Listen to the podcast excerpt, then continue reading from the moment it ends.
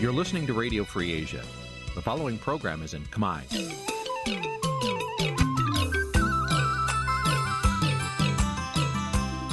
Nǐ chi càm bi tiệp xáy vệt chiu a zì sê ray នេះជាកម្មវិធីផ្សាយរបស់ Vithu Azisari ជាភាសាខ្មែរ វត្តឈូអាស៊ីសេរីសូមស្វាគមន៍លោកអ្នកនាងទាំងអស់ពីរដ្ឋធានី Washington នៃសហរដ្ឋអាមេរិក។ បាទខ្ញុំបាទជួនច័ន្ទបុតស៊ូមជម្រាបសួរលោកអ្នកនាងកញ្ញានិងប្រិយមិត្តទាំងអស់ជាទីមេត្រីយើងខ្ញុំសូមជូនកម្មវិធីផ្សាយសម្រាប់រាត្រីថ្ងៃអង្គារ15រោចខែផលគុណឆ្នាំខាលចត្វាស័កពុទ្ធសករាជ2566ត្រូវនឹងថ្ងៃអង្គារទី21ខែមិនិនាគ្រិស្តសករាជ2023បាទជាដំបូងនេះសូមអញ្ជើញលោកអ្នកនាងស្ដាប់ព័ត៌មានប្រចាំថ្ងៃដែលមានមេតិការដូចតទៅ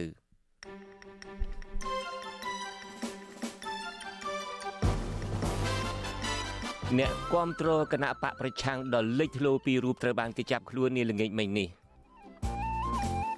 លោកហ៊ុនសែនតែងតាំងកូនប្រុសទី2របស់លោកគឺលោកហ៊ុនម៉ាណិតជាមេបញ្ជាការកងមេបញ្ជាការរងកងទ័ពជើងគោកអមលោកហ៊ុនម៉ាណែត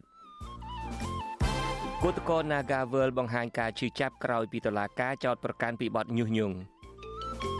បាទវេទិកាអ្នកស្ដាប់វិទ្យុអាស៊ីសេរីនារីត្រីនេះយើងនឹងពិភាក្សាគ្នាថាប្រសិនបើកម្ពុជារងការទណ្ឌកម្មពីសហភាពអឺរ៉ុបមែននោះតើសេដ្ឋកិច្ចកម្ពុជានឹងមិនប៉ះពាល់ដោយការអះអាងរបស់លោកហ៊ុនសែនឬក៏ប៉ះពាល់យ៉ាងណារួមនឹងព័ត៌មានមួយចំនួនទៀត។ បាទជាបន្តទៅទៀតនេះខ្ញុំបាទជួនច័ន្ទបុតស៊ូមជូនព័ត៌មានទាំងនេះពិស្ដាបាទលោកនាងកញ្ញាជាទីមេត្រីមន្ត្រីសង្គមស៊ីវិលនិងមន្ត្រីបកប្រឆាំងលើកឡើងថាលោកនាយករដ្ឋមន្ត្រីហ៊ុនសែនទំនងជាលែងទុកចិត្តមនុស្សនៅក្បែរខ្លួនលោកក្រៅតែពីកូនកូនរបស់គាត់ហើយទើបមេដឹកនាំរូបនេះ តែងតាំងកូនកូនរបស់ខ្លួនឲ្យកាន់ការងារកម្ពូលកម្ពូលក្នុងជួរកងទ័ពការរិះគន់នេះធ្វើឡើងក្រោយពេលលោកហ៊ុនសែនប្រឹងញាត់បញ្ចូលកូនប្រុសទី2របស់លោកគឺលោកហ៊ុនម៉ាណិតឲ្យធ្វើជាមេបញ្ជាការរងកងទ័ពជើងគោកនៅឯបជាប់ជាមួយនឹងបងប្រុសរបស់ខ្លួនគឺលោកហ៊ុនម៉ាណែតបាទលោកអ្នកនាងនឹងបានស្ដាប់សេចក្តីរាយការណ៍អំពីរឿងនេះនាពេលបន្តិចទៀតនេះ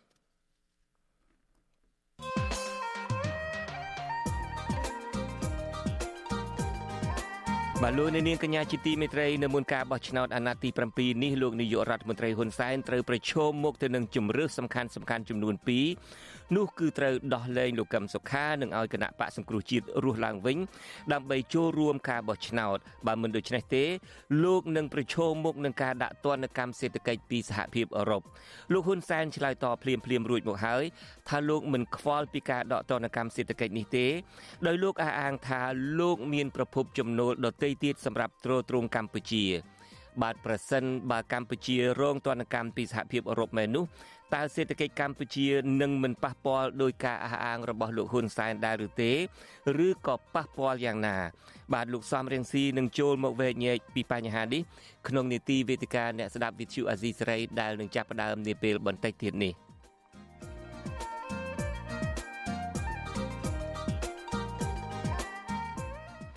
បាទលោកនាងកញ្ញាជាទីមេត្រីព្រះមហាក្សត្រព្រះបាទសម្ដេចព្រះបរមនាថនរោត្តមសីហមុនី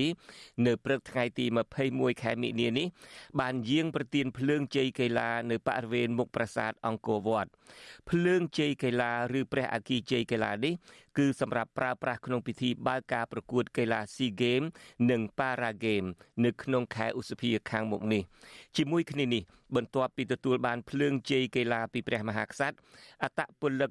7រូបបានបដូរវេនគ្នារត់តិចតិចកាន់ភ្លើងគប់ហែជុំវិញវងតូចនៃតំបន់អង្គររួចយកទៅតម្កល់ក្នុងព្រះវិហាររដ្ឋវត្តរាជបូរមុនបង្ហែបន្តទៅកាន់ប្រទេសសមាជិកចូលរួមកីឡា SEA Games នេះ ការហែភ្លើងគប់ទៅកាន់បណ្ដាប្រទេសជាសមាជិកនឹងចាប់ផ្ដើមនៅថ្ងៃទី22ខែមិនិនា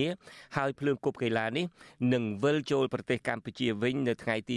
27មេសាមកទល់នឹងពេលនេះប្រទេសអាស៊ីអាគ្នេយ៍ចំនួន11បានបញ្ជូនកីឡាចូលរួម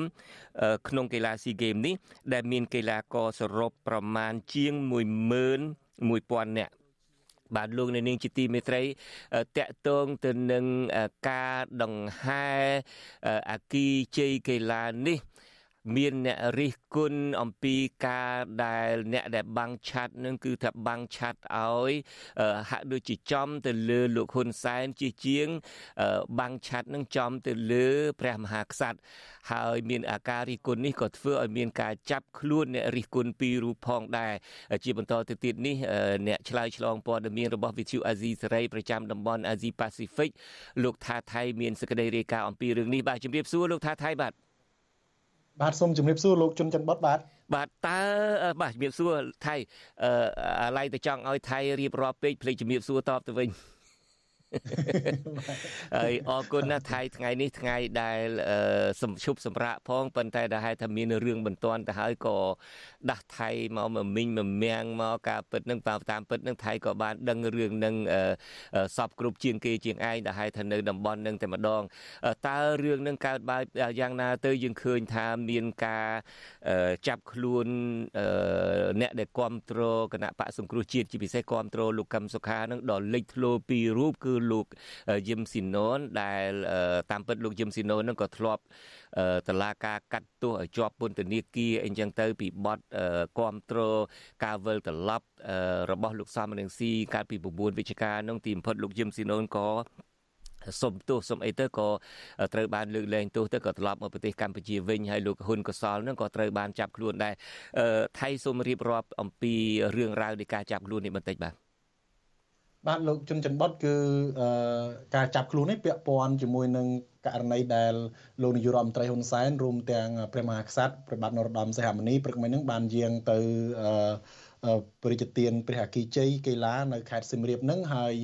បញ្ហាដំបូងហ្នឹងគឺតកតងទៅនឹងអ្នកបាំងឆាត់ទៅហ្នឹងគឺមានការថតហើយផ្តិតរូបភាពជាច្រើន ដែលមើលឃើញថាអត់បានបាំងឆាត់ទៅលើអង្គព្រះមហាក្សត្រទេបែរជា បាំងឆាត់ទៅលើលោកហ៊ុនសែនជាងដែលរូបភាពនេះយើងមើលឃើញហើយថាអ្នកបាំងឆាត់ហ្នឹងហាក់បាំងទៅលើលោកហ៊ុនសែនអញ្ចឹងបាទក៏ប៉ុន្តែបើយើងមើលពីដើមទីគឺដំបងឡើយនឹងពេលដែលលោកនាយករដ្ឋមន្ត្រីហ៊ុនសែននិងព្រះមហាក្សត្របានយាងចេញពីព្រះទីនាំងរបស់ព្រះអង្គហ្នឹងគឺអឺលោកហ៊ុនសែននិងព្រះមហាក្សត្របានធ្វើយាងមកហ្នឹងហើយនឹងធ្វើដំណើររួមគ្នាមកនៅលើកម្រាលព្រំក្រហមហ្នឹងហើយប្រហែលជា មលប់ហ្នឹងវាវាអាចចាំងថ្ងៃបាទអាចចាំងថ្ងៃហើយដូច្នេះហើយអ្នកបាំងហ្នឹងក៏ស្ទុះមកបាំងខាងលោកហ៊ុនសែនទៅបាទយើងឃើញតែថ្ងៃហ្នឹងវាជ្រាយពីខាងនោះមកក៏ប៉ុន្តែគឺរឿងបាំងនឹងហើយដែលទីបំផុតទៅមានលោកយឹមស៊ីណូនគាត់បង្ហោះនៅលើបណ្ដាញសង្គមគាត់បង្ហោះថាម៉េចដែរពីព្រោះមកដល់ពេលនេះឃើញលុបសារនៅបាត់ទៅហើយបាទលោកយឹមស៊ីណូនបានផុសសារនៅពេលដែល គាត់ឃើញរូបភាពហ្នឹងទៅគាត់មហោសារថាបើតាមសម្លេងពលរដ្ឋនៅតាមហាងកាហ្វេហ្នឹងថ្ងៃនេះនឹងយើងអាចឃើញច្បាស់ថានរណាជាស្ដេចដែនដីពិតប្រាកដបាទករណីបង្ហោះសារមួយឃ្លានឹងឯងបានធ្វើឲ្យលោកនាយករដ្ឋមន្ត្រីហ៊ុនសែននឹងផ្ទុះកំហឹងតែម្ដងហើយបញ្ជាឲ្យការឲ្យចាប់ខ្លួនលោកយឹមស៊ីណូនហើយក្រោយមកនឹងខាងលោកហ៊ុនកសលលោកហ៊ុនកសលនឹងក៏ជាដៃគូជាមិត្តភ័ក្តិតែងតែរួមដំណើរជាមួយនឹងលោកយឹមស៊ីណូនទៅចូលរួមសវនាការជាមួយនឹង តាមដានសវនាការរបស់លោកកឹមសុខាជាដើមពីព្រោះពួកគាត់ទាំងពីរនេះនេះគឺជាចុងក្រោយនេះរយៈពេលចុងក្រោយនេះគឺជាមនុស្សចិត្តស្និទ្ធជាមួយនឹងលោកកឹមសុខាដែលជាប្រធានគណៈបកសង្គ្រោះជាតិបាទហើយគាត់តែងតែចេញចូលហើយខាងលោកហ៊ុនកុសលនឹងលោកក៏បានបង្ហោះសារមួយដែរលោកបង្ហោះសារថាដោយដាក់រូបអង្គព្រះមហាក្សត្រថាឃើញពួកគេធ្វើបាបប្រតិយនិងបន្ទាបប្រជាស្ដារព្រះមហាក្សត្រខ្មែរគ្រប់រូបគ្រប់ច្រកបែបនេះ ទួលបង្គំជាអ្នកនយោបាយចំនួនក្រោយនឹងបដិញ្ញានឹងប្រើសមត្ថភាពដែលមានទាំងប៉ុន្មានចូលរួមពូនផ្ដុំជាមួយនឹងប្រធានលោកប្រធានកម្មសិក្ខាការព្រាប្រជាស្ដារព្រះមហាក្សត្រនិងព្រះរាជបល្ល័ង្កដែលប្រជារាស្ត្រខ្មែរមិនអាចខ្វះបាន បាទគឺលោកយឹមស៊ីណូនិងលោកហ៊ុនកសលនឹងបានបង្ហោះសារដូចគ្នាទៅហើយក៏មានប្រតិកម្មពីលោកហ៊ុនសែនខ្លាំងខ្លាំង ហើយបញ្ជាឲ្យចាប់ខ្លួនបាទហើយក្រោយមកហ្នឹងក៏លោកយឹមស៊ីណុនហ្នឹងគាត់បានបង្ហោះសាររបៀបជាសុំទោសដែរលោកថាគ្រាន់តែបង្ហោះសារហ្នឹងជាសម្លេងរបស់អ្នកអង្គុយផឹកកាហ្វេនៅក្បែរលោកទេបែរជាមានការយល់ច្រឡំទៅជារឿងផ្សេងវិញដូច្នេះលោកក៏បានលុបសារនឹងចោលដែរបាទហើយលោកហ៊ុនសែនក៏បានចូលទៅ comment នៅក្នុង comment លើ Facebook របស់លោកនាយករបស់លោកហ៊ុនកសលនឹងលោកហ៊ុនសែនបានបង្ហោះថាមិនបាច់លុបទេក្មួយប្រាប់ទៅលោកយឹមស៊ីណុនថាឥឡូវហ្នឹងគឺអឺ មានគេមានផោះតាំងមានអីគ្រប់ទទួលមិនអាចបំភ្លេចបានទេហើយលោកចង់បញ្ជាក់ថាលោកឆ្លើយតបជាមួយនឹងឆ្លើយឆ្លើយតប comment ច្រើនហោហែដែរជាមួយនឹងអ្នកដែលចូលទៅ comment លើលើ Facebook លោកយឹមស៊ីណូហ្នឹងលោកថាមានតែអង្គព្រះមហាក្សត្រទេដែលដឹងច្បាស់រឿងនេះទំនងជាលោកចង់សម្ដៅថាអ្នកណាជាស្ដេចផែនដីហ្នឹងគឺព្រះមហាក្សត្រអាចដងអាចដឹងអាចត្រង់សពរិទ្ធហតិដឹងហើយបាទទៅលើរឿងនេះដូច្នេះហើយបានជាមានការចាប់តែម្ដងហើយការចាប់នេះគឺ ចាប់ទៅទាំងពីរនាក់ហើយឃើញមានការបង្ហោះសារនៅលើប្រព័ន្ធឃោសនារបស់លោកហ៊ុនសែនហើយគឺលោកយឹមសេណុនពាក់អាវយឺតពណ៌លឿងហើយលោកនឹងដៃគូរបស់លោកហ៊ុនកសលហ្នឹងគឺពាក់អាវពណ៌រៀងពណ៌នេះហ្នឹងបាទរៀងពណ៌ខ្មៅបាទហើយចាប់យកបាទបាទយកទៅដាក់នៅប៉ុស្តិ៍ប៉ូលីសហ្នឹងហើយមិនទាន់ដឹងថាតើពួកគាត់ទាំងពីរនាក់នឹងមានវាសនាបែបណាទេបាទប៉ុន្តែបើតាមលោកហ៊ុនសែនថា អឺបើគ្មានទោសទើបចម្លែកព្រោះនេះមិនមែនជារបៀបបញ្ចេញមតិទេតែជាការបំភ្លៃការពិតមួយដោយចេតនាតែម្ដងទោះជាយ៉ាងណាទុកជូនតុលាការជាអ្នកកាត់ក្តីក៏ប៉ុន្តែយើងដឹងហើយថានៅពេលដែលលោកហ៊ុនសែនសម្រេចបែបណាហើយតុលាការមិនហ៊ានជំទាស់ទៅនឹងការសម្រេចរបស់លោកហ៊ុនសែនទេបាទបាទនៅមិនគួរមានរឿងដែលថ្ងៃដែលអឺ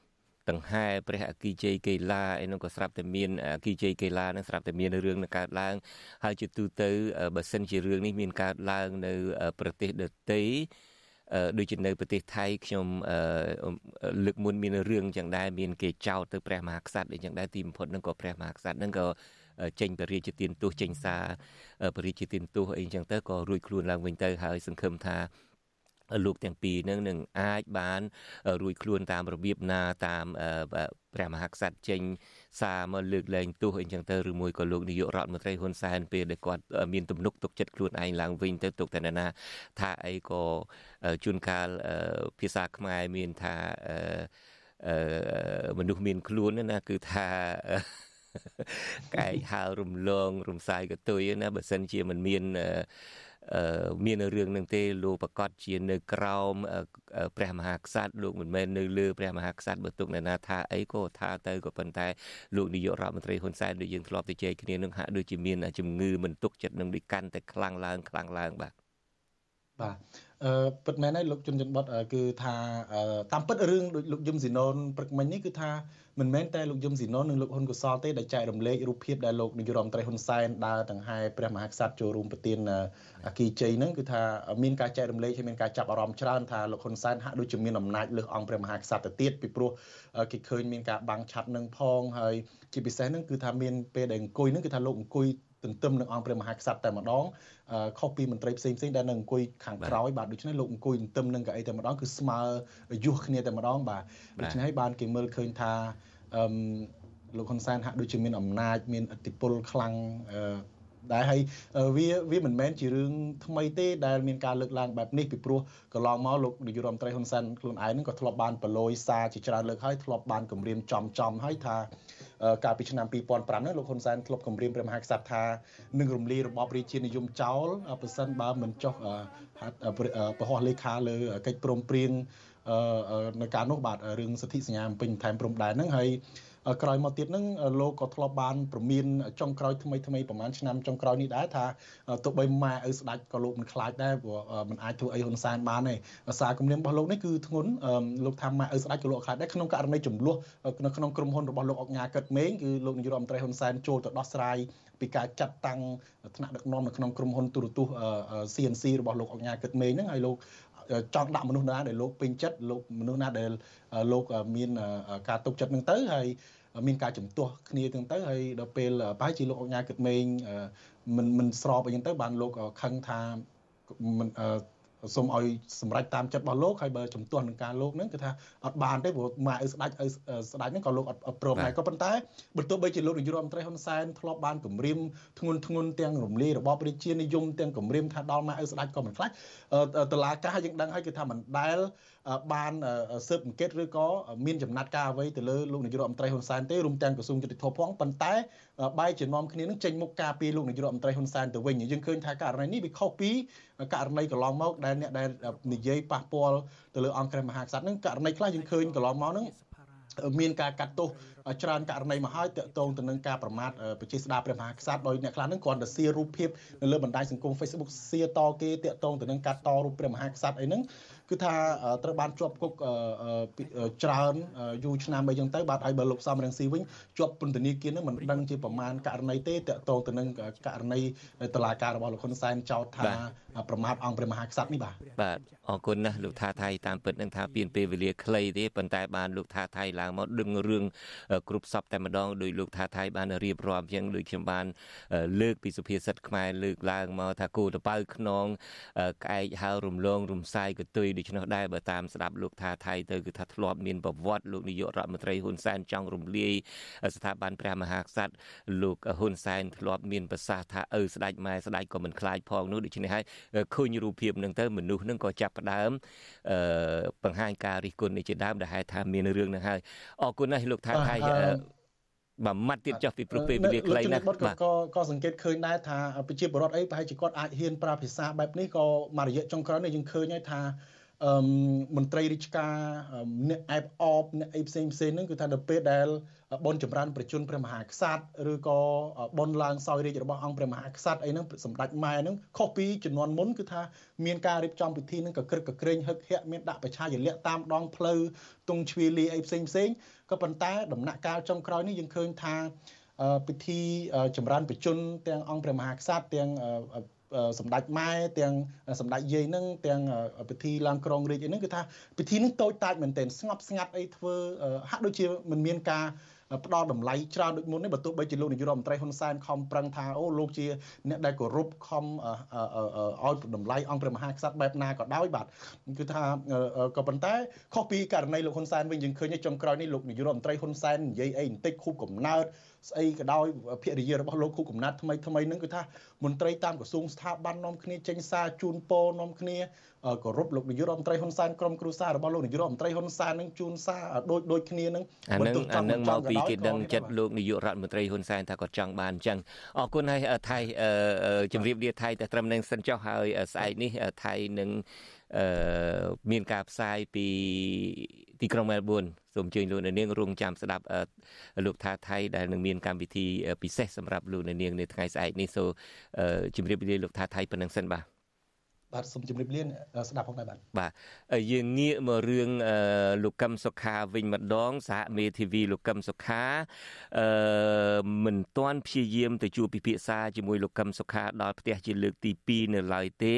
បន្ទាប់ពីពួកគេត្រូវកងកម្លាំងសមត្ថកិច្ចយាមនៅមុខផ្ទះលោកកឹមសុខា មិនអនុញ្ញាតឲ្យចូលជួបកាលពីសប្តាហ៍មុនសហមេធាវីលោកកឹមសុខានៅតែរក្សាជំហរថាពួកគេ នៅតែចង់ជួបកូនក្តីដោយមិនចាំបាច់ដាក់លិខិតស្នើសុំការអនុញ្ញាតពីតុលាការឡើយមេធាវីលោកកឹមសុខាគឺលោកអាងឧត្តមប្រាប់អាស៊ីសេរីនៅថ្ងៃទី21មិនិនាថាសំណុំរឿងរបស់លោកកឹមសុខានៅមិនទាន់ឆ្លងផុតពីសាលាដំបងរាជធានីភ្នំពេញនៅឡើយដូច្នេះតាមផ្លូវច្បាប់មេធាវីអាចចូលទៅជួបលោកកឹមសុខាជាកូនក្តីបាន ដោយមិនចាំបាច់ដាក់លិខិតស្នើសុំទៅតុលាការនោះទេ គឺគ្រាន់តែឲ្យចុះឈ្មោះនិងបង្ហាញអត្តសញ្ញាណមេធាវីដោយការសុំចូលជួបកូនក្តីនៅពន្ធនាគារដូច្នោះដែរការបញ្ជាក់ជំហររបស់សហមេធាវីលោកកឹមសុខានេះនៅក្រៅពេលគណៈមេធាវីបានចេញលិខិតឆ្លើយតបទៅនឹងសហមេធាវីកាលពីសប្តាហ៍មុនឲ្យសហមេធាវីដាក់លិខិតទៅព្រះរាជអាជ្ញាជាមុនមុននឹងទៅជួបលោកកឹមសុខា តែអ្នកច្បាប់ថាការទៅជួបកូនក្តីនៅក្នុងមន្ទីរឃុំឃាំងគ្មានច្បាប់ណាមួយឃាត់មេធាវីការពីក្តីឲ្យ ជាប់ឲ្យជន់ជាប់ឃុំឡើយបាទលោកអ្នកនាងកញ្ញាជាទីមេត្រីមន្ត្រីសង្គមស៊ីវិលនិងមន្ត្រីបកប្រឆាំងលើកឡើងថាលោកនាយករដ្ឋមន្ត្រីហ៊ុនសែនទំនងជាលែងទុកចិត្តមនុស្សនៅក្បែរខ្លួនក្រៅតែពីកូនកូនរបស់គាត់ទៀតហើយទើបមេដឹកនាំរូបនេះ តែងតាំងកូនកូនរបស់ខ្លួនឲ្យកាន់ការងារកម្ពូលកម្ពូលក្នុងជួរកងទ័ពការរិះគន់នេះធ្វើឡើងក្រោយពេលដែលលោកហ៊ុនសែនប្រឹងញាត់បញ្ចូលកូនប្រុសទី2របស់លោកគឺលោកហ៊ុនម៉ាណិតឲ្យធ្វើជាមេបញ្ជាការរងកងទ័ពជើងគោកនៅឯបជាប់នឹងបងប្រុសរបស់ខ្លួនគឺលោកហ៊ុនម៉ាណែតបាទលោកមានរិទ្ធមានសេចក្តីរាយការណ៍អំពីរឿងនេះជូនលោកនាងពីរដ្ឋធានី Washington មន្ត្រីសង្គមស៊ីវិលនិងមន្ត្រីបពប្រឆាំងសង្ស័យថាលោកហ៊ុនសែនទំនងជាមានគម្រោងលើកបន្ទប់កូនប្រុសច្បងរបស់លោកគឺលោកហ៊ុនម៉ាណែតឲ្យក្លាយជាអគ្គមេបញ្ជាការនៃកងយោធពលខេមរៈភូមិន្ទនាពេលដ៏ខ្លីខាងមុខនេះទើបបានជាលោកហ៊ុនសែនបញ្ញាប់រូតរះយកកូនប្រុសទី2របស់លោកគឺលោកហ៊ុនម៉ាណិតទៅញាត់ជាប់នឹងបងប្រុសរបស់ខ្លួនឲ្យកាន់តួនាទីជាមេបញ្ជាការរងនៃកងទ័ពជើងគោកនៅពេលនេះ ប្រធានអង្គការសម្ព័ន្ធភាពការពារសិទ្ធិមនុស្សកម្ពុជាហៅកាត់ថាច្រាក់លោករស់សថាយល់ថាគួរតែជៀសវាង ការដែលមេដឹកនាំយកសាច់ឈាមរបស់ខ្លួនឲ្យកាន់ការងារសាធារណៈធំធំបែបនេះជាពិសេសក្នុងវិស័យកងទ័ពលោកបន្តទៀតថាបញ្ហានេះនឹងនាំឲ្យមានការរិះគន់ថានេះគឺជាការរៀបចំធ្វើឲ្យមានអំណាចប្រមូលផ្ដុំ លោកព្រួយបារម្ភថាបញ្ហានេះនឹងនាំឲ្យមានការចោទសួរថាតើក្នុងការបោះឆ្នោតនាពេលខាងមុខនេះប៉ះសិនបើមានបញ្ហាកើតមានឡើងដោយការពីឆ្នាំ2013កន្លងទៅ តើកងទ័ពដែលស្ថិតក្រោមការគ្រប់គ្រងរបស់កូនកូនលោកហ៊ុនសែនអាចធានាថាកងទ័ពអាចបំពេញការងាររបស់ខ្លួនបានដោយឯករាជ្យដែរឬយ៉ាងណា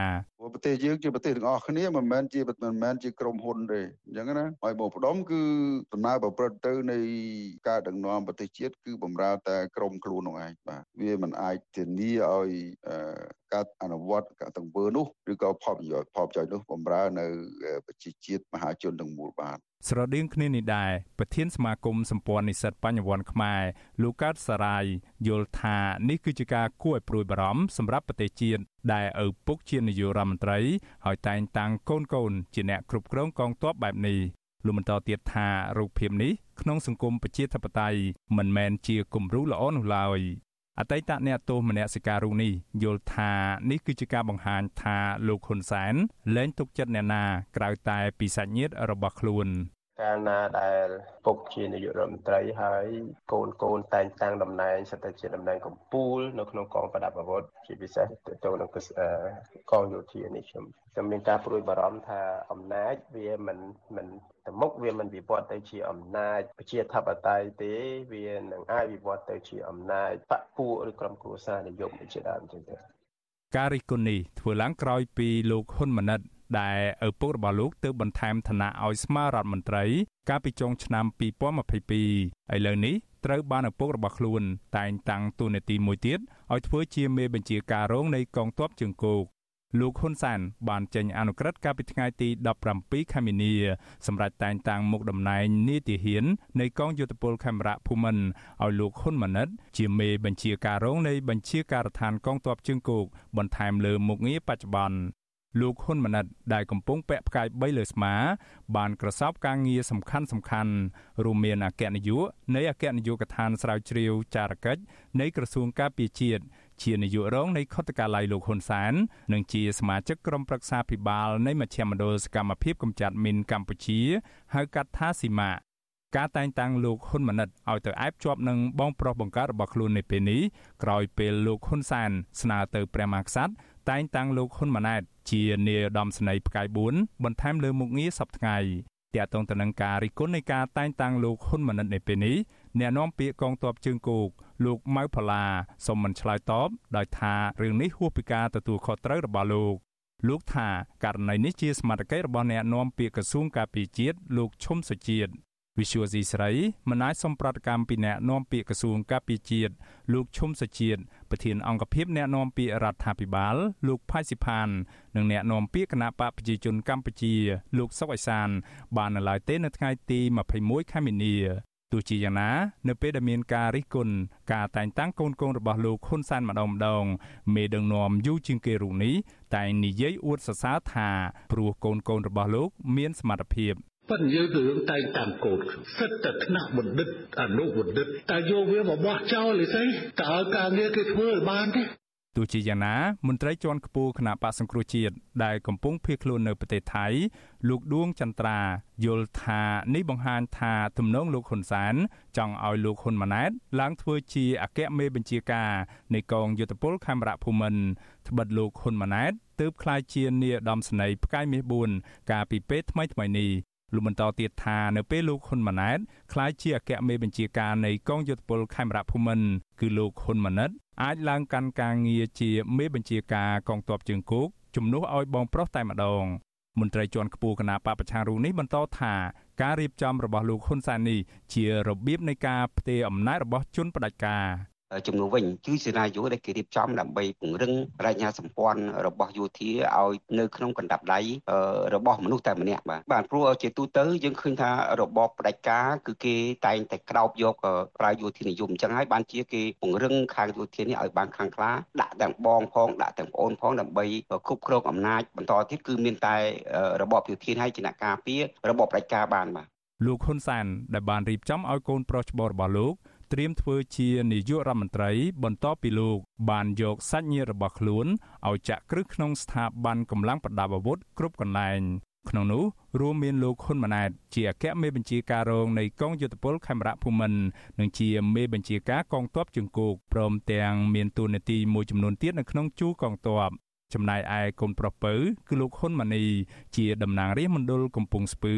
ជាប្រធានគណៈកម្មការទី7នៃសភាឯកបៈនិងជាប្រធានសហភាពសហព័ន្ធយុវជនកម្ពុជាក្មួយប្រសាររបស់លោកគឺលោកណេតសាវឿនគឺជាអគ្គស្នងការនគរបាលជាតិចំណែកឯកូនប្រសាររបស់លោកគឺលោកឌីវិជាដែលត្រូវជាស្វាមីអ្នកស្រីហ៊ុនម៉ាណា គឺជាអគ្គស្នងការរងនគរបាលជាតិនិងជាប្រធាននាយកដ្ឋានកណ្ដាលសន្តិសុខ នៃអគ្គស្នងការដ្ឋាននគរបាលជាតិចំណែកឯក្មួយប្រុសរបស់លោកម្នាក់ទៀតគឺលោកហ៊ុនជា ដែលធ្លាប់ប្រព្រឹត្តអំពើហិង្សាបាញ់បោះដោយសេរីនិងមានរឿងរ៉ាវអាស្រូវស្នេហាផងនោះកំពុងពាក់ផ្កាយ3នៅអគ្គស្នងការដ្ឋាននគរបាលជាតិហើយសាច់ញាតិរបស់លោកផ្សេងផ្សេងទៀតក៏កំពុងកាន់ការងារខ្លាញ់នៅក្នុងស្ថាប័ននានារបស់ជាតិខ្ញុំបានមេរិត Visual C ស្រីពីរដ្ឋធានី Washington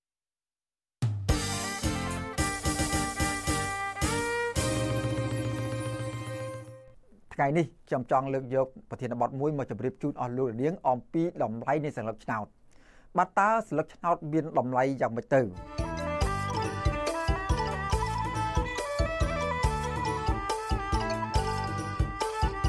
បាទសូមជម្រាបសួរអស់លោកនាងកញ្ញាទាំងអស់ជាទីមេត្រីខ្ញុំបាទសេកបណ្ឌិតបានវិលបញ្ជុកអស់លោកនាងខ្សាជាថ្មីម្ដងទៀតហើយនៅក្នុងនេតិស្វែងយល់អំពីការបោះឆ្នោត បាទនៅថ្ងៃនេះដែរខ្ញុំបាទសូមលើកយកប្រធានបទមួយដែលនិយាយអំពីតម្លៃនៃស្លឹក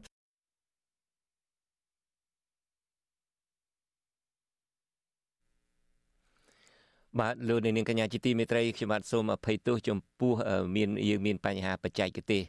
បាទនេះពេលបន្តិចទៀតនេះលោកនាងនឹងបានចូលរួមនឹងទស្សនានិងស្ដាប់នីតិវិទ្យាអ្នកស្ដាប់វិទ្យុអាស៊ីសេរីដែលមានលោកសំរៀងស៊ីជាវិក្កាមកិត្តិយសនីតិវិទ្យាអ្នកស្ដាប់វិទ្យុអាស៊ីសេរីនឹងផ្ដោតទៅលើថាតើប្រសិនបើសហភាពអឺរ៉ុបដាក់ទណ្ឌកម្មសេដ្ឋកិច្ចទៅលើប្រទេសកម្ពុជាតើកម្ពុជាអាចនឹង មិនប៉ះពាល់ដោយការដាក់ទណ្ឌកម្មសេដ្ឋកិច្ចនេះពីសហភាពអឺរ៉ុបដោយលោកនាយករដ្ឋមន្ត្រីហ៊ុនសែនអះអាងដែរឬយ៉ាងណាឬមួយក៏ប៉ះពាល់ហើយបើប៉ះពាល់ប៉ះពាល់យ៉ាងណា បាទលោកអ្នកនាងនឹងបានទស្សនានិងស្ដាប់និងចូលរួមក្នុងនីតិវិទ្យាអ្នកស្ដាប់វិទ្យុអាស៊ីសេរីដែលមានលោកសំរងស៊ីជាវិក្កាមកិត្តិយសនាពេលបន្តិចទៀតនេះបាទលោកអ្នកនាងកញ្ញាជាទីមេត្រីអឺពិធីបុណ្យចូលឆ្នាំថ្មីកាន់តែខិតមកដល់ហើយ តើយើងគួរហៅពិធីនោះថាជាពិធីបុណ្យចូលឆ្នាំខ្មែរឬមួយក៏ហៅថាសង្ក្រានឆ្នាំថ្មី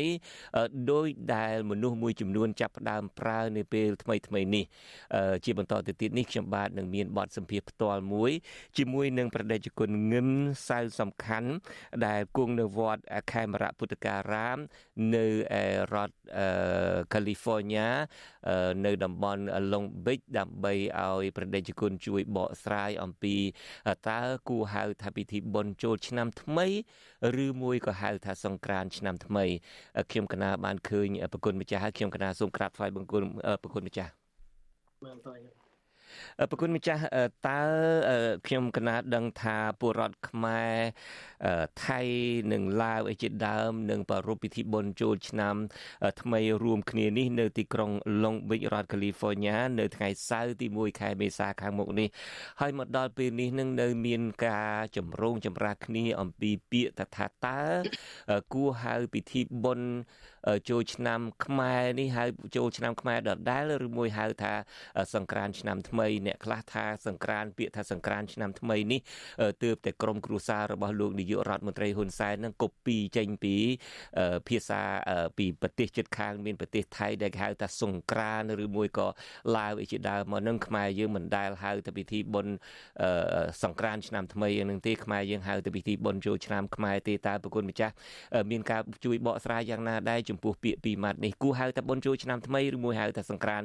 ឆ្នាំថ្មីសូមចម្រើនពរអញ្ញោមហើយព្រោះយើងអាចយើងអាចថ្ងៃនេះអាត្មាអរគុណណាស់ដែលញោមបានផ្ដល់កិត្តិយសដល់អាត្មាភាពបានចូលរួមហើយនឹងបាន បកស្រាយនៅកង្វល់ខ្លះខ្លះឬក៏ចម្ងល់ខ្លះដែលញាតិញោមបាន ស្ដាប់បានដឹងមកហើយជារឿយរឿយអឺតាមពិតទៅ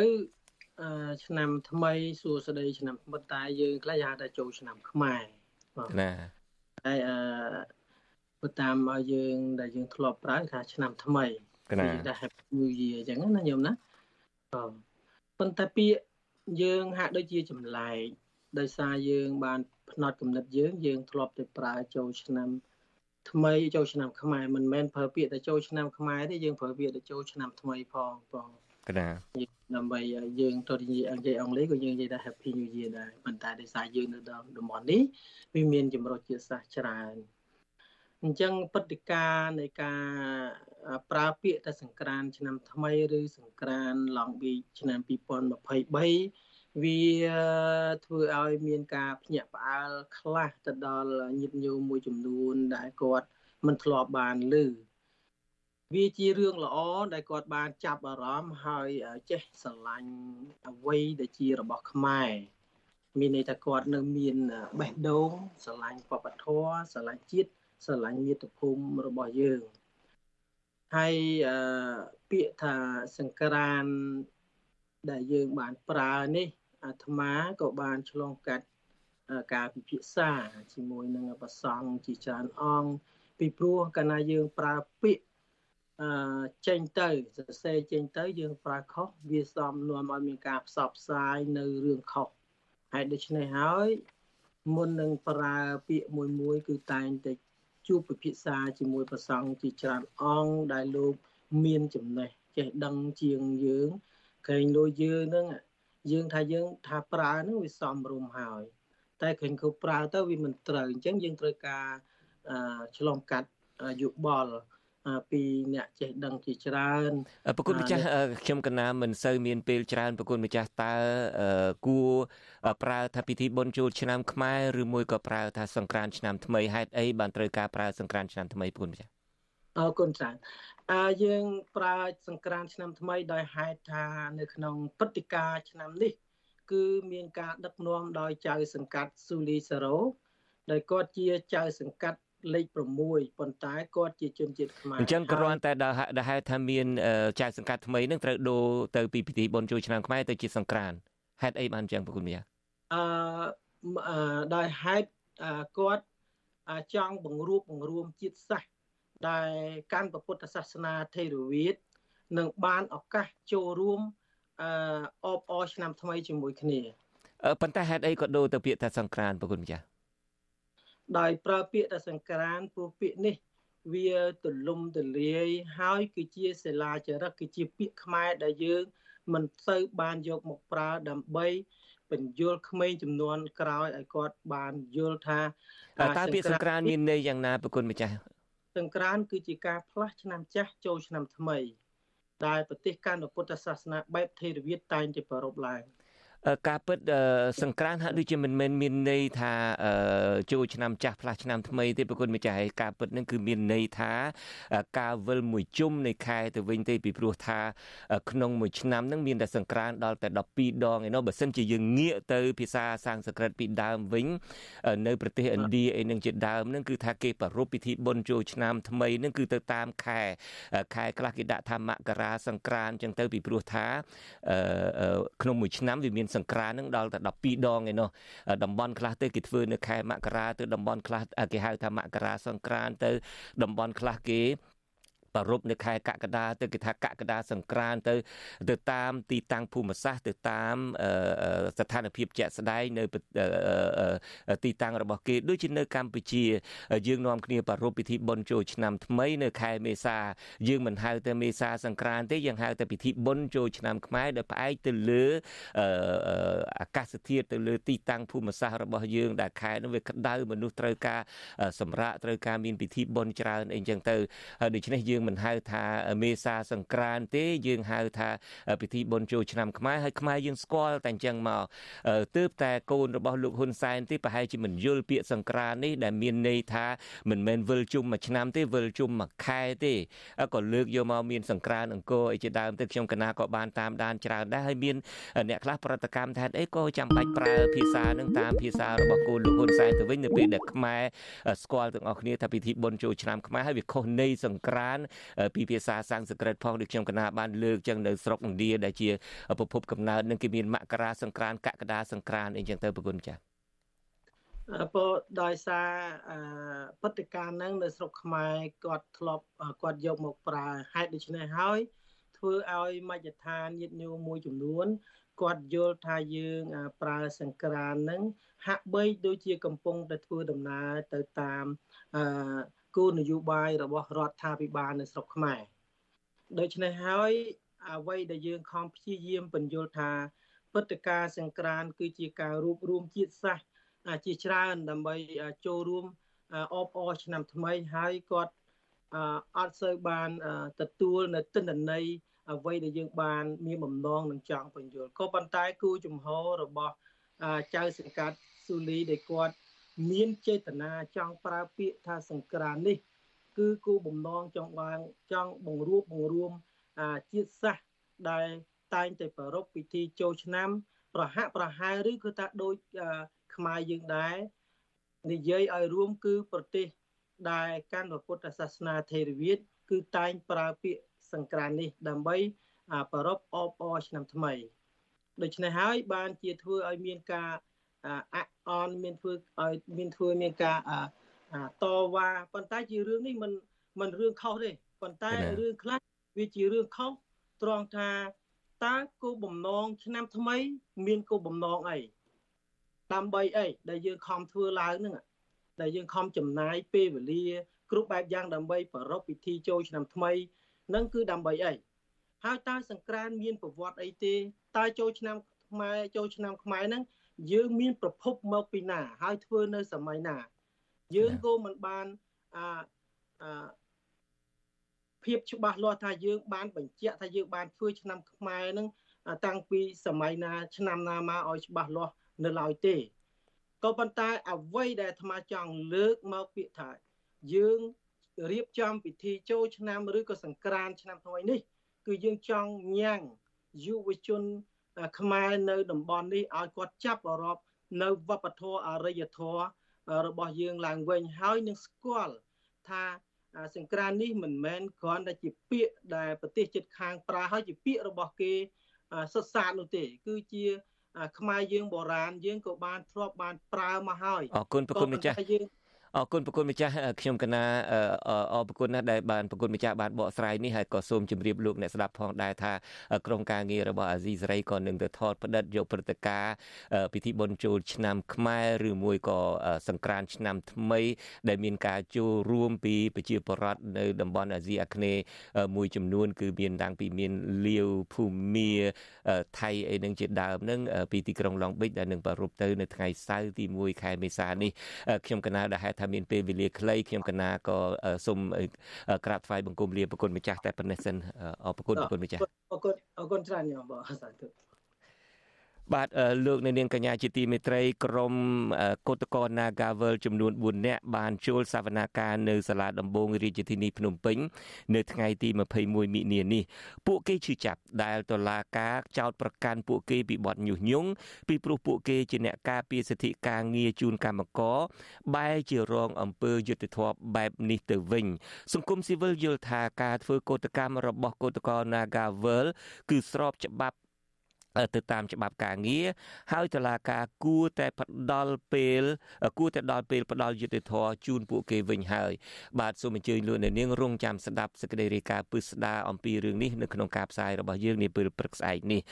នៅមានរឿងមួយទៀតមុននឹងខ្ញុំចាប់ផ្ដើមនីតិវិទ្យាអ្នកស្ដាប់វិទ្យុអាស៊ីសេរីរឿងនោះគឺតាក់ទងទៅនឹងគណៈបកភ្លើងទៀនដែលអះអាងថាអាញាធមមូលដ្ឋាន មួយចំនួនតាមគៀបសង្កត់សិទ្ធិសេរីភាពនៃការជួបជុំដែលធ្វើឲ្យប៉ះពាល់ដល់ទឹកចិត្តរបស់អ្នកគាំទ្រគណៈបកនេះជាខ្លាំងមន្ត្រីគណៈបកភ្លើងទៀននិងមន្ត្រីសង្គមស៊ីវិលចាត់ទុកទង្វើនេះថាជាការរឹតបន្តឹងសិទ្ធិនយោបាយហើយទាមទារឲ្យក្រសួងមហាផ្ទៃទប់ស្កាត់ឲ្យមានប្រសិទ្ធភាព ដើម្បីធានាឲ្យបាននៅការបោះឆ្នោតដោយសេរីនិងយុត្តិធម៌បាទលោកនៅនាងទើបតែបានស្ដាប់ព័ត៌មានប្រចាំថ្ងៃដែលជម្រាបជូនដោយខ្ញុំបាទជួនច័ន្ទបុតពីរដ្ឋធានី Washington បាទសូមអញ្ជើញលោកនៅនាងរងចាំស្ដាប់នីតិវិទ្យាអ្នកស្ដាប់វិទ្យុអាស៊ីសេរី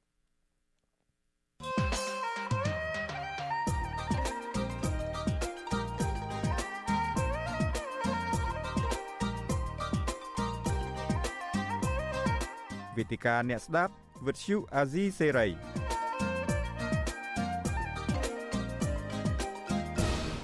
បាទលោកនាងកញ្ញាជាទីមេត្រីខ្ញុំបាទជួនច័ន្ទបុតស៊ូមជម្រាបសួរលោកនាងកញ្ញាជាថ្មីម្ដងទៀតអឺ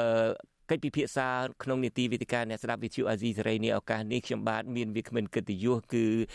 អ្នកជំនាញផ្នែកសេដ្ឋកិច្ចមួយរូបហើយនឹងជាប្រធានស្ដីទីនៃគណៈបកប្រឆាំងផងគឺលោកសំរៀងស៊ីដែលចូលរួមជាមួយយើងពីក្រុងប៉ារីនៃប្រទេសបារាំងខ្ញុំបាទសូមជម្រាបសួរអាដាមបាទជម្រាបសួរលោកជុនច័ន្ទបុតហើយជម្រាបសួរមិត្តអ្នកស្ដាប់ទាំងអស់បាទ បាទលោកសំរៀងស៊ីលោកបានជ្រាបហើយថាសហភាពអឺរ៉ុបនាពេលថ្មីថ្មីនេះបានអឺ ចេញសារមួយហាក់ដូចជាគម្រាមទៅលោកនាយករដ្ឋមន្ត្រីហ៊ុនសែនថាបើសិនជាមិនដោះលែងលោកកឹមសុខាប្រសិនបើមិនអោយគណៈបកសង្គ្រោះជាតិដំណើរការឡើងវិញ ដើម្បីចូលរួមការបោះឆ្នោតនឹងទេហើយបើសិនជាគេពិនិត្យមើលទៅធ្វើឃើញការបោះឆ្នោតនឹងជាការបោះឆ្នោតឯកបកឬមួយជាការបោះឆ្នោតដោយមានបកដែលមិនជាបកប្រឆាំង មែនតែនោះមានបកប្រឆោតនោះគេនឹងមិនទទួលស្គាល់ការបោះឆ្នោតនោះដោយ នឹងអាចព្យួរនឹងអាចដាក់ទណ្ឌកម្មសេដ្ឋកិច្ចដោយព្យួរ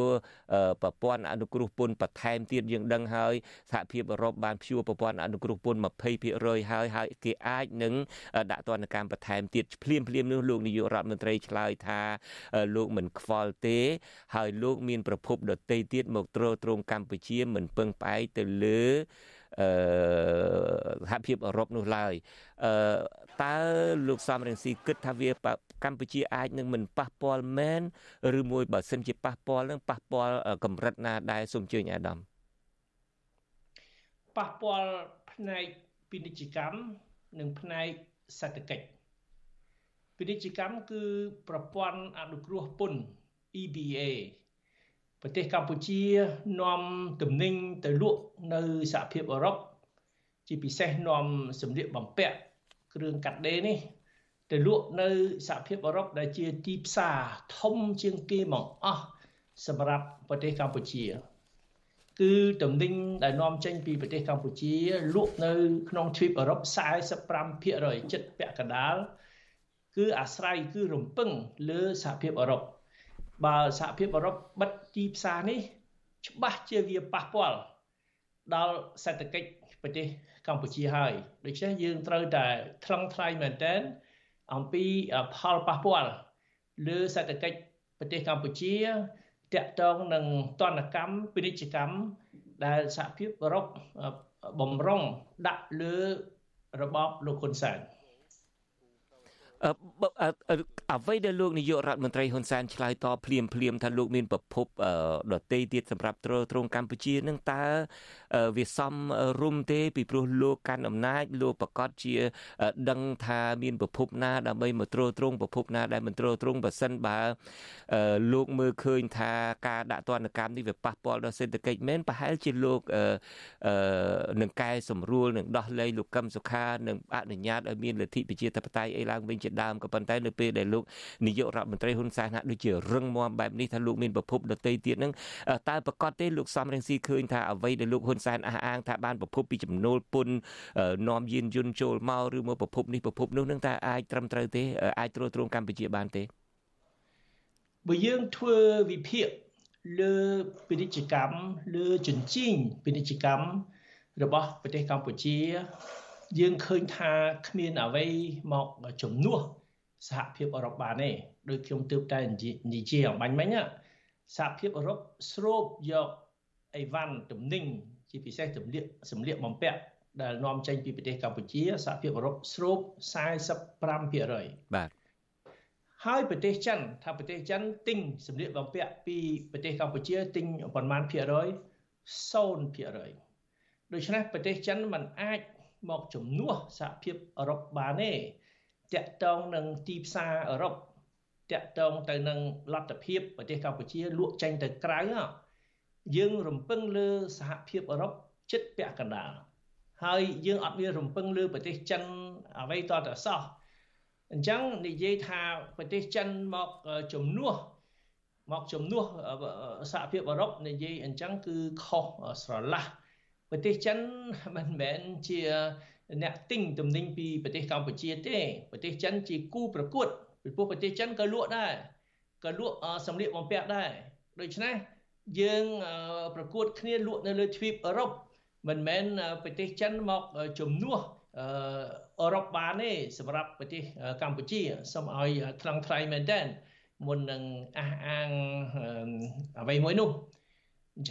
ចឹងហើយបានយើងត្រូវតែខិតខំរក្សាទីផ្សាររបស់យើង ទីផ្សារទូទាំងពិភពលោក គេត្រូវតែខំរកទីផ្សារថ្មី គេមិនត្រូវនិយាយថាទេអត់សំខាន់ទេបាត់បង់ទីផ្សារអឺរ៉ុបមានទីផ្សារណាមួយទៀតមកជំនួសហើយនិយាយថាទីផ្សារចិនមកជំនួសហ្នឹងវាខុសពីព្រោះចិនអត់មានទិញតំណែងអីពីប្រទេសកម្ពុជាទាល់តែសោះអញ្ចឹងហើយបាទប្រហែលថ្ងៃមុននេះអាដាមប្រហែលថ្ងៃមុននេះលោកនាយករដ្ឋមន្ត្រីហ៊ុនសែនហាក់ដូចជាមិនលើកពីទីផ្សារចិនប្រហែលទេលោកបានលើកថាប្រភពដតីទៀតនឹងបានពីប្រមូលពុនដាអីនឹងជាដើមជាពិសេសពុននាំយានយន្តចូលអីជាដើម ប៉ុន្តែគេមិនត្រូវមិនត្រូវបោកសរុបដាក់បញ្ចូលនេះចំនួននោះទេអារឿងពុនជារឿងមួយរឿងទីផ្សារជារឿងមួយទៀត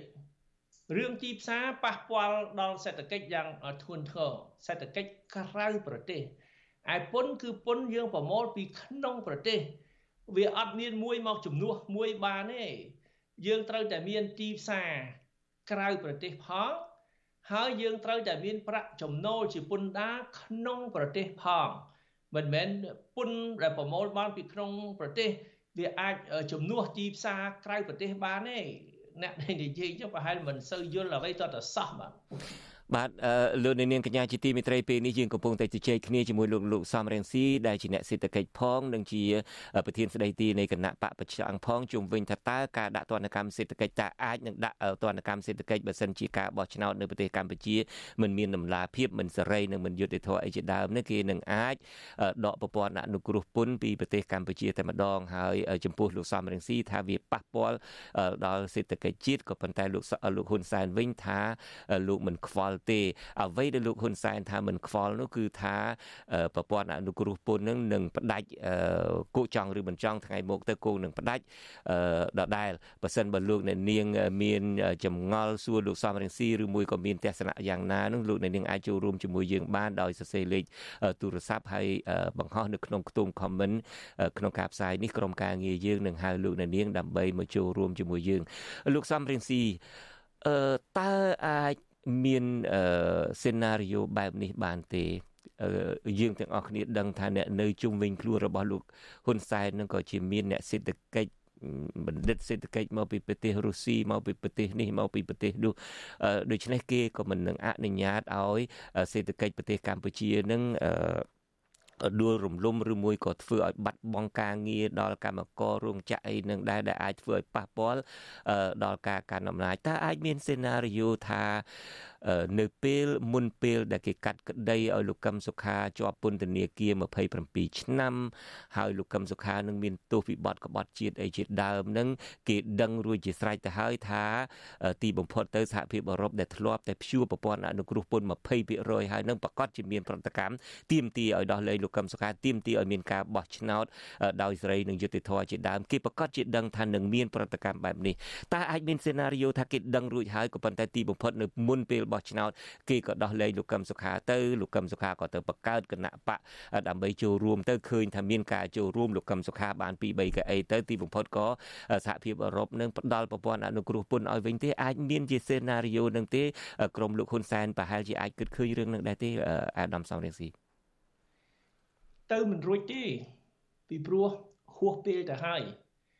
ការបោះឆ្នោតដើម្បីឲ្យមានភាពត្រឹមត្រូវសេរីយុត្តិធម៌ គឺគូប្រកួតគណៈបកដែលចូលរួមទាំងអស់ត្រូវមានលទ្ធភាពដូចគ្នាស្មើគ្នា ដូចជាពេលវេលាឲ្យអាចត្រៀមចូលរួមក្នុងការបោះឆ្នោតគ្មាននរណាគេឲ្យគណៈបកណាមួយទើបតែបង្កើតថ្មីចូលរួមអានីតិចុងក្រោយបានចូលរួមអានឹងវាអត់ត្រឹមត្រូវទេវាអត់មានការប្រកួតស្មារភាពគ្នាទេ តែទោះជាយ៉ាងណាក៏ដោយខ្ញុំយល់ឃើញថាភាសាលោកហ៊ុនសែនគឺជាភាសាមិនទទួលខុសត្រូវ ភាសាដែលបិទបាំងការពិតលោកហ៊ុនសែនគាត់ធ្វើជាមិនយល់ពីផលប៉ះពាល់នៃទណ្ឌកម្មពីសំណាក់សហភាពអឺរ៉ុបគាត់ធ្វើជាមិនយល់ពីព្រោះកូនក្មេងក៏យល់ដែរ ថាបើប្រទេសកម្ពុជា បាត់បង់ទីផ្សារដ៏ធំដូចជាសហភាពអឺរ៉ុបទី1មិនមែនប្រទេសចិនមកជំនួសសហភាពអឺរ៉ុបបានទេទី2ពេលបាត់បង់ទីផ្សារបែបនេះ គឺសេដ្ឋកិច្ចប្រទេសកម្ពុជានឹងទទួលផលផលប៉ះពាល់ផលប៉ះពាល់ដោយសារថារោងចក្រត្រូវបិទហើយរោងចក្រដែលផលិតសម្លៀកបំពាក់ដើម្បីនាំទៅលក់នៅសហភាពអឺរ៉ុប ពេលណាមួយអស់មានទីផ្សារនៅសហភាពអឺរ៉ុបពេលនោះរោងចក្រត្រូវបិទហើយផលិតធ្វើអីលក់ឲ្យនរណាបើលក់អត់ចាញ់អានឹងរោងចក្រក៏ត្រូវបិទហើយត្រូវរកទីផ្សារថ្មីមកជំនួសភ្លាមបើមិនចង់បិទប៉ុន្តែរកអត់បានទេអញ្ចឹងលោកហ៊ុនសែនគាត់អត់ទទួលខុសត្រូវទេគាត់មិនទទួលស្គាល់ការពិតគាត់មិនទទួលស្គាល់ថាតន្តកម្មនេះ នឹងធ្វើឲ្យសេដ្ឋកិច្ចប្រទេសកម្ពុជា ជាពិសេសធ្វើឲ្យកម្មករកម្មការិនីក្រុមគ្រួសារកម្មករកម្មការិនីណាគឺរងផលប៉ះពាល់ដល់ធ្ងន់កម្មករបាត់បង់ការងារឃ្លាមួយរំពេចបាត់បង់ប្រាក់ខែបាត់បង់ប្រាក់ចំណូលម៉ែឪក្រុមគ្រួសារកម្មករដែលរំពឹងលើប្រាក់ខែកម្មករมันអាចរស់បានដូចមុនទៀតទេ អ្នកលក់ដូរដែលរំពឹងលើអ្វីដែលកម្មករធ្លាប់តែទិញពីពួកគាត់ណាអ្នកលក់បាយនៅជុំវិញរោងចក្រហ្នឹងអ្នកដែលអឺកម្មករទៅទិញអីវ៉ាន់ផ្សេងផ្សេងហ្នឹងគឺពេលហ្នឹងកម្មករអស់មានលុយទិញហើយពេលហ្នឹងអ្នកលក់ដូរនៅជុំវិញរោងចក្រហ្នឹងក៏បាត់ប្រាក់ចំណូលដែរអញ្ចឹងផលប៉ះពាល់ហ្នឹងវាកាន់តែរីករាលដាលធំទៅធំទៅ ហេតុអ្វីបានលោកហ៊ុនសែនមិនទទួលស្គាល់ដោយសារតែដោយសារតែគាត់អត់ទទួលស្គាល់ថាគាត់នឹងហើយជាមូលហេតុនៃទុកវេទនារបស់ប្រជារារបស់ប្រជារាស្ត្រខ្មែរជាពិសេសរបស់កម្មករតែសហភាពអឺរ៉ុបនឹងគេដាក់ទណ្ឌកម្មហ្នឹងគេមិនមែនដាក់គេចង់ដាក់ទណ្ឌកម្មលើប្រទេសកម្ពុជាលើប្រជារាស្ត្រខ្មែរលើកម្មករខ្មែរទេ គេចង់ជំរុញឲ្យលោកហ៊ុនសែនបើកភ្នែកឲ្យលោកហ៊ុនសែនចេះកែខ្លួនឲ្យលោកហ៊ុនសែនឈប់ធ្វើបាបប្រជាប្រដ្ឋខ្មែរឈប់បំបិតសិទ្ធិរបស់ប្រជាប្រដ្ឋខ្មែរឲ្យមានលទ្ធិប្រជាធិបតេយ្យមានការបោះឆ្នោតត្រឹមត្រូវនឹងបើលោកហ៊ុនសែនគ្រាន់តែធ្វើតាមសំណើរបស់សហភាពអឺរ៉ុបប្រជារាស្ត្រខ្មែរគឺសប្បាយចិត្ត ពួកប្រជារាស្ត្រខ្មែរចង់បានសេរីភាពចង់បានយុត្តិធម៌តែសហភាពអឺរ៉ុបទាមទារឲ្យលោកហ៊ុនសែនផ្ដល់សេរីភាពនិងយុត្តិធម៌ជូនប្រជារាស្ត្រខ្មែរពេលនោះវាល្អមែនទែនបើលោកហ៊ុនសែនគាត់ធ្វើតាមសំណើសហភាពអឺរ៉ុបប៉ុន្តែលោកហ៊ុនសែនគាត់ដឹងថាធ្វើតាមសំណើសហភាពអឺរ៉ុបនេះ របបគាត់នឹងបះជើងបើប្រជាពលរដ្ឋមានសិទ្ធិសេរីភាពសម្ដែងមតិ មានសិទ្ធិតវ៉ាទាមទារដំឡើងប្រាក់ខែមានសិទ្ធិធ្វើបដកម្មនានាការពារផលប្រយោជន៍ពួកគាត់ការពារផលប្រយោជន៍ប្រទេសជាតិការពារព្រៃឈើការពារទឹកដីបើប្រជាពលរដ្ឋមានសិទ្ធិតវ៉ាបែបហ្នឹងគឺរបបលោកហ៊ុនសែនបះជើងហើយរបបលោកហ៊ុនសែននឹងដួលរលំពីព្រោះកម្លាំងប្រជាប្រដ្ឋនឹងផុសផុលឡើងអញ្ចឹងហើយបាទលោកហ៊ុនសែនគាត់មិនអោយប្រជាប្រដ្ឋមានសិទ្ធិសេរីភាពដាច់ខាត គាត់មិនធ្វើតាមសហភាពអឺរ៉ុបដាច់ខាតគាត់ថាសហភាពអឺរ៉ុបដាក់ទណ្ឌកម្មទៅមានប៉ះពាល់គាត់អីណាគាត់មានលុយច្រើនគាត់អត់មានដាច់បាយទេឲ្យប្រជាពលរដ្ឋខ្មែរវេទនាទៅឲ្យកម្មករដាច់បាយទៅអញ្ចឹងលោកហ៊ុនសែនគាត់យកកម្មករគាត់យកប្រជាពលរដ្ឋខ្មែរធ្វើជាខែលធ្វើជាខែលហើយធ្វើជាចំណាប់ខ្មាំងឲ្យកម្មករទទួល ទទួលតន្តកម្មនឹងជំនួសគាត់គាត់រួចខ្លួនមានន័យថាម៉េចមានន័យថាលោកហ៊ុនសែនជាមនុស្សកំសាកតន្តកម្មនោះគេដាក់លើខ្លួនគេនាំខ្លួនគេជំរុញខ្លួនឲ្យធ្វើល្អខ្លួនមិនព្រមធ្វើល្អខ្លួនសុកចិត្តឲ្យកម្មករទទួលតន្តកម្មរងទុកវិធានាដោយសារគាត់ដោយហើយជំនួសគាត់ហ្នឹងយើងត្រូវបកស្រាយឲ្យឲ្យច្បាស់ អំពី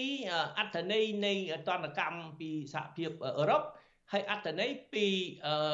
អតចរិតរបស់លោកហ៊ុនសែនដែលមិនទទួលខុសត្រូវដែលមិនមិនព្រមទទួលស្គាល់ការពិតហើយដែលចាប់កម្មករឲ្យទទួលតនកម្មជំនួសគាត់បាទអរគុណអាដាមគ្រាន់តែចង់ជម្រាបជូនលោកអ្នកស្ដាប់ថាមកទល់នឹងពេលនេះតាំងតែពីការដែលសហភាពអឺរ៉ុប